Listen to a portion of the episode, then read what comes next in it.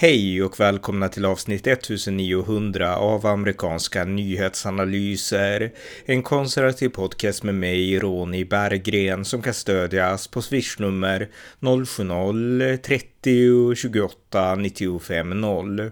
I detta avsnitt tänkte jag reflektera lite utifrån upploppen i Frankrike om vad som har gått fel med västvärlden och med Europa i synnerhet, vilka varningar vi inte tog på allvar och vilka konsekvenser detta har fått, men även förklara vad som nu kan göras för att rädda Europa från en annars oundviklig undergång. Varmt välkomna! Ja, det här är alltså avsnitt 1900 av amerikanska nyhetsanalyser. Och eh, jag brukar ju varje hundrade avsnitt prata lite mer övergripande om något valt enskilt tema.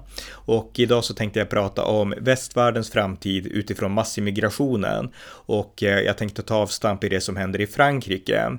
Ni alla har ju sett nyheterna de senaste dagarna, de senaste veckorna om upplopp i Frankrike, städer som brinner, laglöshet, våld, konflikter, slagsmål och eh, direkt brutal brottslighet mellan fransk polis och eh, demonstranter eller protester och upploppsmakare.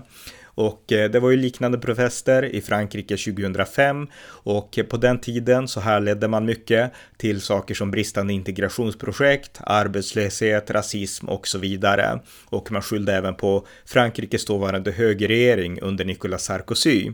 Eh, idag så finns samma former av analyser, att det beror på bostadsbrist, arbetslöshet och så vidare.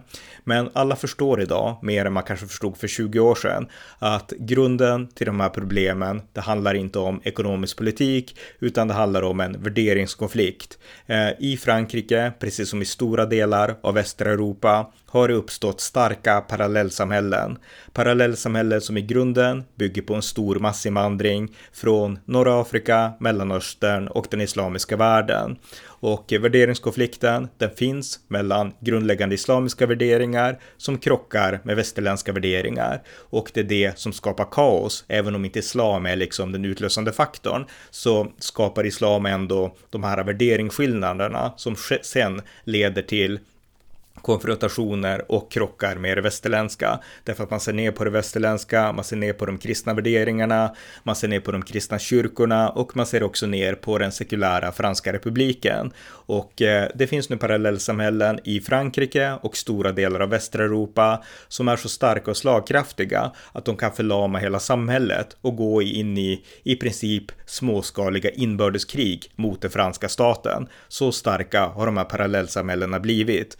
Och det här är någonting som inte båda gott för Europas framtid. Och det är någonting som vi måste börja prata om, vi måste börja belysa det och vi måste också börja sätta det i perspektiv. Och det är det som jag tänkte göra i den här podden. För det här drabbar även Sverige. Vi har sett korankravallerna, eh, vi har sett protesterna nu mot koranbränningar och eh, vi har sett muslimer som kräver särlagstiftning. Jag läste en text på nyheter idag från 2020 om Skurups, Skurups kommun och eh, då var det prat om ett slöjförbud där. Och eh, i samband med det så pratade en muslimsk lärare som hette Naul eh, Asayo eh, som arbetade i Skurup och som sa att hon skulle minsann slöja och eh, flytta härifrån om det irriterar dig, sa hon. Flytta från Skurup eller från Sverige, det är mitt land också. Så här har vi alltså en muslim i Sverige som anser att om man är emot slöja så ska man flytta från Sverige.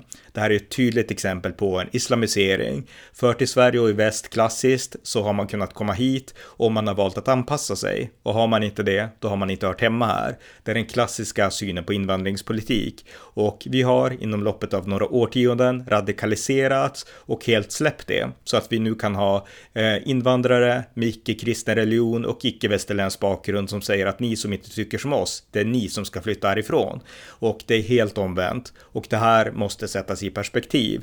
Och eh, jag tänkte göra det genom att läsa egentligen några citat av historiska tänkare, politiker och analytiker och eh, utifrån det förklara vad som måste göras inför framtiden. Och eh, jag tänkte börja med att eh, sätta det historiska i perspektiv. Mycket av de här radikala idéerna, idéerna om eh, ja, en gränslös värld, det är nya radikala idéer som inte har, absolut inte har applicerats i praktiken tidigare, utan det är radikala idéer. Och det som startade radikalismen i Europa, det var den franska revolutionen 1789. Och eh, det införde ett nytt element av att vara anti-etablissemang, anti-kyrklig och eh, anti-europeisk i många avseenden. Och det fanns såklart vissa legitima skäl till att protestera mot förhållandena i Frankrike, men det användes också av de radikala krafterna. Och en person som analyserade den franska revolutionen mycket kritisk, det var den brittiske filosofen Edmund Burke, en av konservatismens främsta filosofer. Och eh, han skrev i sin bok eh, Reflektioner över den franska revolutionen 1790 så här om det som hände i Frankrike. Så jag ska läsa ett citat av Edmund Burke här och sen kommentera. Vi vet, och det är vår stolthet att veta, att människan till sin natur är ett religiöst väsen att ateism går emot inte bara vår rationalism utan våra instinkter och att den inte kan bestå långvarigt. Men om, i stunder av upplopp och fyllans delirium, dragen från helvetets heta källa, där Frankrike nu så intensivt kokar över, avklär oss nakna genom att kasta av oss den kristna religionen, är vi insiktsfulla om att något otrevligt, fördärvligt och förnedrande vidskepligt kan komma att ta dess plats. Det var alltså Edmund Burke 1790 och det var hans kommentar om den franska revolutionen. Och eh, vi kan se att vad som har hänt, det är att avkristningen har gjort att radikala Ideologier har kommit in, en ny form av vidskeplighet som har kastat Europa åt olika håll. För de här idéerna stannade ju inte i Frankrike utan de spred sig runt om i Europa. Men det fanns ett land som bröt med det europeiska och det var den amerikanska revolutionen, det var födelsen av USA. USA radikaliserades inte på samma sätt som Europa radikaliserades, därför att eh, den franska revolutionen 1789, den var väldigt sekulär till sin natur och där tänkandet präglade sedan alla andra, egentligen västeuropeiska länder och inspirerade även den ryska, totalt sekulära revolutionen. I USA hade man ju också gjort en revolution 1776, jag har gjort en poddserie om den amerikanska revolutionen, men den revolutionen var inte fransk till sin natur, utan den var mer kristet inspirerad och ett, eh, en revolution av en helt annan karaktär. Och i USA så har man inte haft de här radikala åsikterna, utan generellt så har man haft en mycket mer restriktiv syn på till exempel invandring. De här frågorna är ju såklart moderna och de började inte i Frankrike för 200 år sedan, men det är ändå liksom en konsekvens av idégodset från den radikala, de radikala idéer som föddes i den franska revolutionen. I USA har man inte sett saken på det sättet och eh, jag tänkte nu läsa ett citat från 1915 av USAs president Theodore Roosevelt Roosevelt. Och Theodore Roosevelt, han eh, sa så här om invandring och det han såg kunde hota den amerikanska stabiliteten. Det här talet, I det här talet då som hölls den 12 oktober 1915 så pratar Theodore Roosevelt om någonting som han kallar för hypenated Americans, alltså av eh, skalade amerikaner, amerikaner som egentligen inte är amerikaner för att de beter sig inte som man ska göra i USA. Så lyssna på det här citatet av Theodore Roosevelt från 1915. Amerikanism är en fråga om anden och själen. Vår lojalitet måste vara enbart till USA. Vi måste skoningslöst fördöma varje man som håller någon annan trohet. Men om man är hjärtligt och enskilt lojal mot denna republik så är han, oavsett var han föddes, en lika bra amerikan som alla andra. Det enda absolut säkra sättet att fördärva denna nation, att förhindra alla möjligheter att den överhuvudtaget skulle fortsätta att vara en nation, skulle vara att tillåta den att bli en härva av käbblande nationaliteter. En intrikat knut av tysk-amerikaner, irländare-amerikaner, engelsk-amerikaner, fransk-amerikaner, skandinavisk-amerikaner eller italiensk-amerikaner där var och en bevarar sin separata nationalitet, där var och en i hjärtat känner mer sympati med europeer av den egna nationaliteten än med övriga medborgare i den amerikanska republiken. De män som inte blir amerikaner och ingenting annat är avstavade amerikaner och det bör ej finnas plats för dem i det här landet. Det var alltså Theodore Roosevelt och jag tycker att det finns många lärdomar att hämta från det här citatet. Det här citatet är mer än 100 år gammalt, men det han varnade för skulle kunna ske i Amerika. Det är någonting som har skett i västra Europa. Här har vi fått stora antal invandrare från olika grupper och nationaliteter som helt klart sätter ett annat prefix framför sin identitet än att vara svenskar eller fransmän, utan de identifierar sig inte bara i första hand, utan nästan helt och hållet, som till exempel muslimer eller somalier eller så vidare. Så att det finns liksom den här konflikten som man pratar om som upplöser nationer, den kan vi se i dagens Europa. Så att någonting har hänt, alltså vi har haft de här tydliga varningarna som fanns i historien, som varnade för radikalism och som varnade för att driva en ansvarslös invandringspolitik. De idéerna dominerade i mångt och mycket tänkandet både i USA och i Europa under lång tid. Men sen hände någonting och här i Europa i synnerhet. Och det hände framförallt efter 1945, efter andra världskriget. Då gick det väldigt eh, bra för Europa. Stora delar av Europa, inte minst Sverige, upplevde en ekonomisk boom och eh, vi började bygga upp västra Europa framför allt eh, från ruinerna av andra världskriget. Det behövdes ny arbetsinvandringskraft därför att vi kunde inte fylla behovet tillräckligt snabbt och Europa började ta in arbetskraftinvandrare från Turkiet, från Marocko och så vidare. Och därefter så kom också fler invandrare på 80-talet, på 90-talet, från Jugoslavien och så vidare.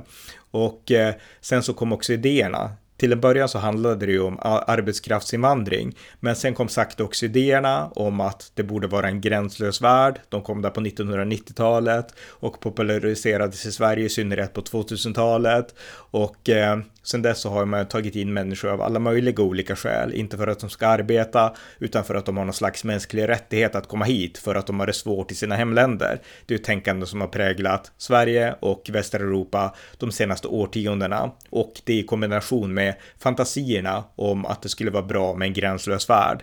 Så att där har vi liksom grunden till ett förändrat paradigm där vi har brytit med de varningar som Theodore Roosevelt var, gav och som egentligen var standardtänkande överallt. Det bröt vi med radikalt. Men vi diskuterade aldrig varför det här skulle förändras, utan det var bara någonting som skedde. Och det fanns nu politiker som försökte varna för de här nya trenderna som kom på 60-talet och fortsatte. Och en av dem, det var en brittisk politiker, en konservativ brittisk politiker i Tories som var parlamentsledamot som hette Enoch Powell och eh, han höll ett tal 1968 där han varnade för den nya brittiska invandringspolitiken och vad det på sikt skulle kunna göra med Storbritannien. Lyssna på det här citatet från den konservativa politikern Inuk Pavel 1968. Om 15 eller 20 år, enligt nuvarande trender, kommer det att finnas i detta land 3,5 miljoner Commonwealth-invandrare och deras ättlingar. Hela områden, städer och delar av städer över hela England kommer att ockuperas av delar av invandrarbefolkningen och befolkningen som härstammar från invandrare. Det är detta faktum som i nuet skapar behov av extremt brådskande handlingskraft av just den typen av åtgärder som är svårast för politiker att vidta. Åtgärder där svårigheterna ligger i nuet, men ondskan som ska förhindras eller minimeras ligger flera parlamentsperioder framåt i tiden. Det är som att se en nation som är upptagen med att samla upp sitt eget begravningsbål. Medan inresan till detta land för invandraren gav tillträde till privilegier och möjligheter som de ivrigt eftersökte, var inverka på den befintliga befolkningen mycket annorlunda. Av skäl som de inte kunde förstå och i enlighet med ett standardbeslut som de aldrig rådfrågades om fann de sig ha blivit främlingar i sitt eget land. Det var alltså den brittiske politikern Enoch Powell 1968 i ett tal som kallas för Rivers of Blood Speech och eh, för det här talet så blev han stämplad som en rasist, som en högerextremist och han blev utfryst i mångt och mycket ur etablissemanget. Så att eh, det hjälpte inte honom personligen att han varnade för det här, men han varnade likväl och eh, jag tycker att de här orden är profetiska i princip. Han sätter verkligen fingret på de problem som vi lever i idag.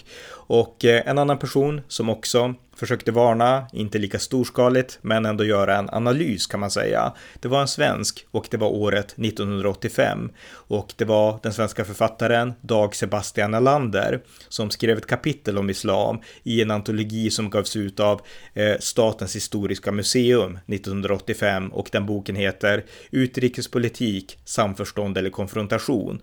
Och eh, Dag Sebastian Alander, han skriver i den boken 1985 så här.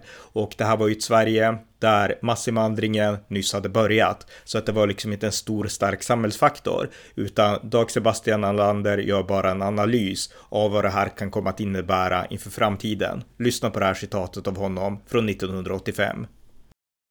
Den kulturella, religiösa och politiska renässansen för islam har gjort att allt fler särskiljande kulturella faktorer blivit utrikespolitiskt relevanta.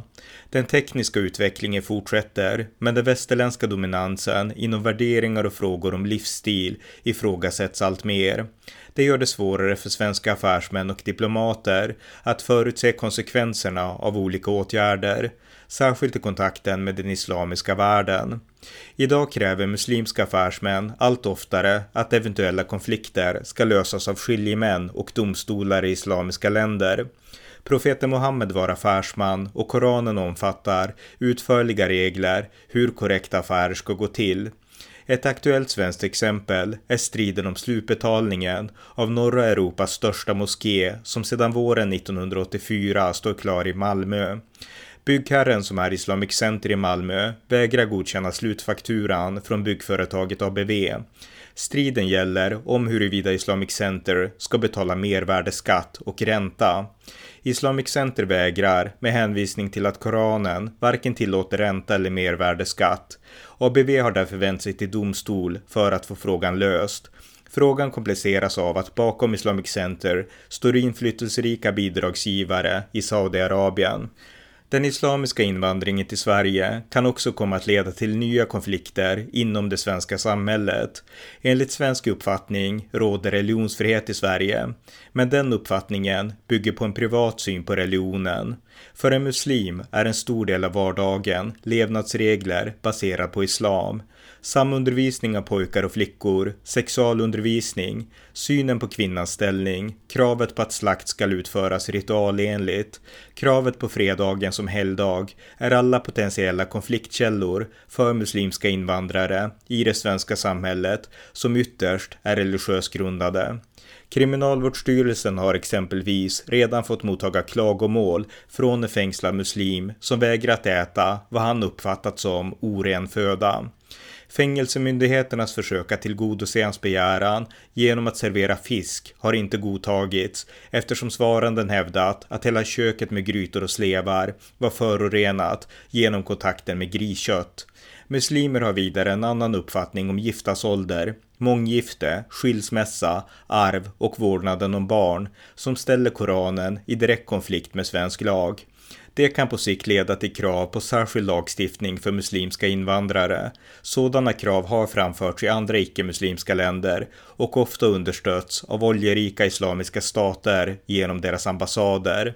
Det är synsätt och påtryckningar som är främmande för svensk opinion och grundläggande svenska värderingar. Sammanfattningsvis kan man konstatera att det i framtiden finns betydande risker för konfrontation mellan västerländska länder som Sverige och olika länder inom den islamiska kulturkretsen. Vi måste hela tiden hålla drömmen om den stora generalkompromissen mellan olika länder och kulturer levande, utan att tappa bort de grundläggande värderingar om frihet och mänskliga rättigheter som vi upplever oförytterliga och som utgör västerlandets bidrag till mänskligheten. Det här var alltså Dag Sebastian Alander 1985 och det här var också, precis som de tidigare analyserna, en klockren förutsägelse om framtiden. Med undantag för att det har blivit ännu mer extremt än Dag Sebastian Alander kunde föreställa sig för 40 år sedan. Han nämner ingenting om krigare för Islamiska staten, han nämner ingenting om korankravaller, så att hur illa det blev kunde han inte ens föreställa sig då, men han kunde ändå peka i vilken riktning det skulle gå. Och eh, det är precis det man måste göra. Det var precis det, det som Inok Pavel förklarade att det var politikers uppgift att göra. Så att eh, där har ni ett citat till. Eh, men den mest kända som har varnat för islamiseringen, det är den amerikanske professorn Samuel Huntington. Han skrev 1996 en bok som hette Clash of Civilizations, som är världskänd och som många avfärdade där och då, inte minst Bill Clinton, USAs president, som avfärdade hans tes från FN-podiet till och med. Men Samuel Huntington varnade i den här boken för innebörden av islamiseringen av Europa och han konstaterade då att kristendomen skulle hamna i en kon ett konkurrensförhållande med islam. Men kristendomen skulle samtidigt vara det bästa motmedlet för att stävja konsekvenserna av islamiseringen. För det sekulära Europa skulle inte orka, konstaterar Samuel Huntington. Så här är ett citat från Samuel Huntington från 1996. Om den traditionella religionen inte kan anpassa sig till moderniseringens krav finns potentialen för spridning av västerländsk kristendom och islam. I dessa samhällen är de mest framgångsrika huvudpersonerna i den västerländska kulturen inte neoklassiska ekonomer eller demokratins fanbärare eller multinationella företagsledare. Varken Adam Smith eller Thomas Jefferson kan möta de psykologiska, känslomässiga, moraliska och sociala behoven hos de urbana migranterna och första generationens gymnasieutexaminerade sådana. Jesus Kristus kanske inte möter dem heller, men han kommer sannolikt att ha en bättre chans. I längden vinner dock Mohammed. Kristendomen sprids främst genom omvändelse, islam genom konvertering och reproduktion. Islam är den enda civilisationen som försatt västvärldens överlevnad i tvivel och islam har gjort det minst två gånger. Det var alltså Samuel Huntington 1996 och det han menade med att eh, islam har utmanat den västerländska civilisationen tidigare. Det var när islam invaderade eh, Mellanöstern eh, på 600-talet och sen gick in i Europa eh, tusen år senare ungefär och försökte erövra i princip hela den kristna världen. Det gick inte, men den islamiska världen försökte och man ryckte en tredjedel av väst till den islamiska världen.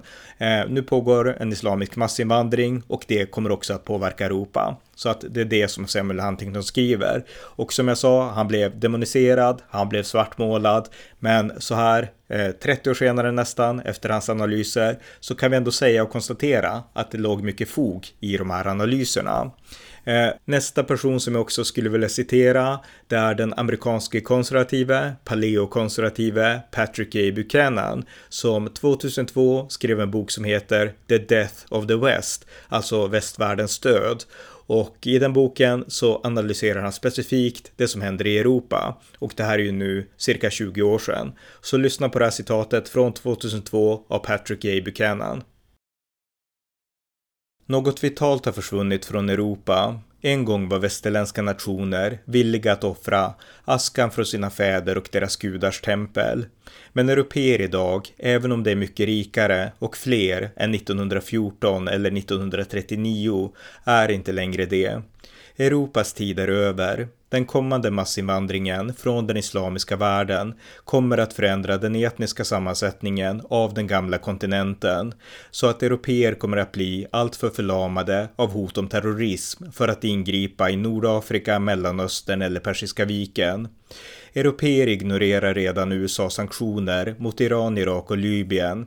När deras befolkningar blir mer arabiska och islamiska kommer förlamning att inträda. Men de europeer är så ointresserade av självbevarelsedrift att de vägrar att skaffa tillräckligt många barn för att hålla sina nationer vid liv. Varför skulle amerikaner försvara Europa och kanske dö för Europa så att Europa kan leva det goda livet tills deras gnista slocknar?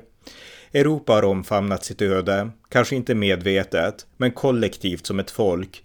Europeer planerar inte att fortsätta finnas som en stor vital ras.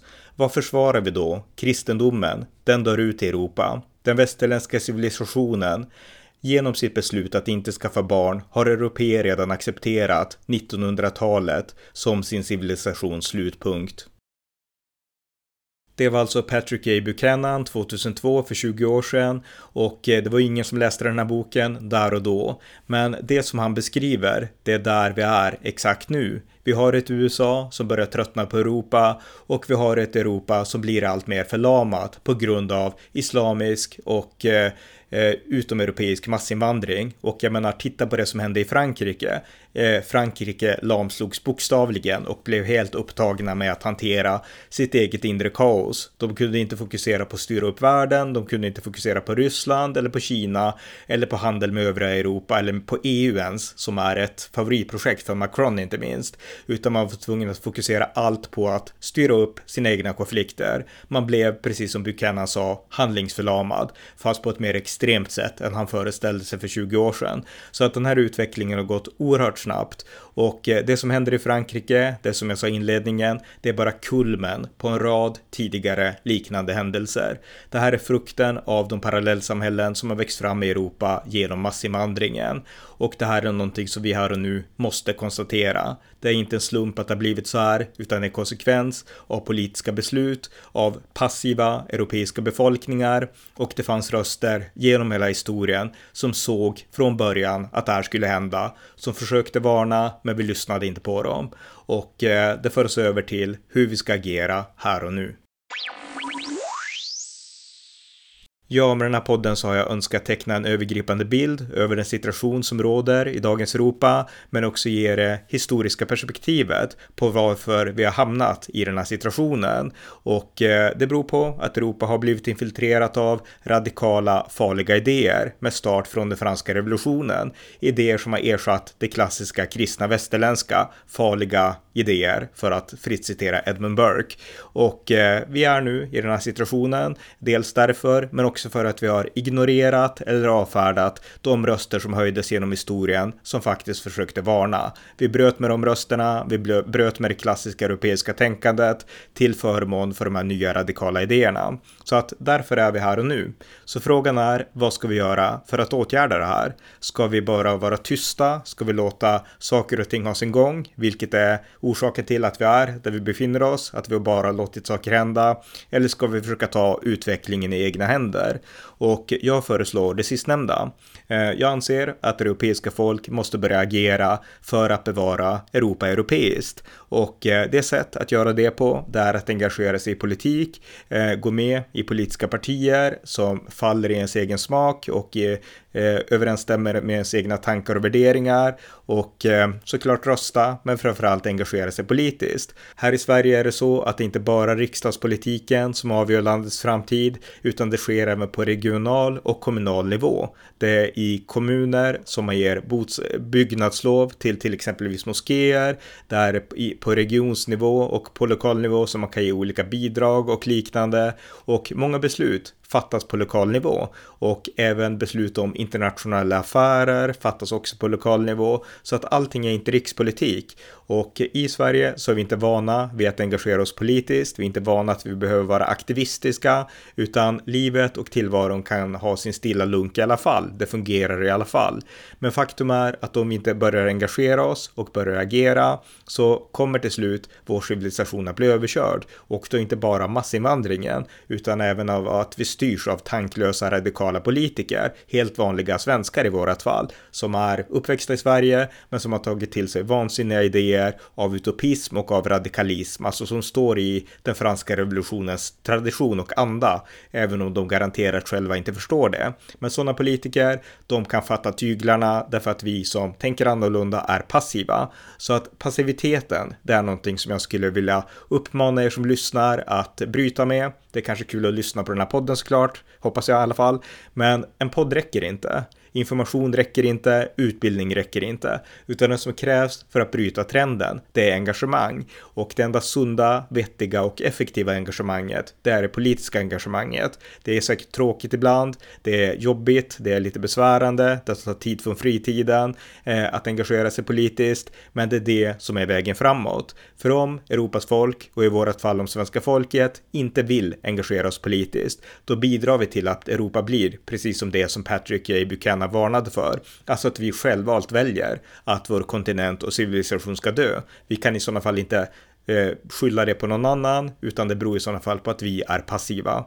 Så att jag skulle bara vilja avsluta den här podden med att nu när jag tecknat den här bilden, som jag tror att många av er som lyssnar eh, håller med om, att det är en oroväckande bild som tecknas och jag tror också att ni håller med om analyserna om varför det har blivit som det har blivit och eh, så, så skulle jag också vilja hoppas att ni håller med om svaret, vad svaret på de här problemen är. Och det svaret är demokratiskt politiskt engagemang. Det är inte att vara arg, det är självklart inte att liksom Liksom använda våld och det är självklart inte Ehm, ja, någonting som är liksom radikalt eller farligt på något sätt. Men det är heller inte bara att ta till sig information och sprida information. För information i sig, men även informationsspridning, det räcker inte för att stoppa politiska beslut eller för att fatta politiska beslut. Det enda som kan göra det, det är engagemang i politiska partier och i politiska rörelser. Så att min uppmaning till er som lyssnar, det är att om ni delar den här oron, om ni delar problemanalysen som jag beskrivit i det här poddavsnittet, eh, sätt igång, avsätt lite tid och och börja engagera er politiskt. Och eh, vilka partier sådär som ni vill göra det i, det är inte upp till mig att avgöra, det måste ni bestämma själva. Men politiskt engagemang är nödvändigt om vi ska rädda västvärlden. Och det är det som är mitt budskap i den här podden. Tack för att ni har lyssnat.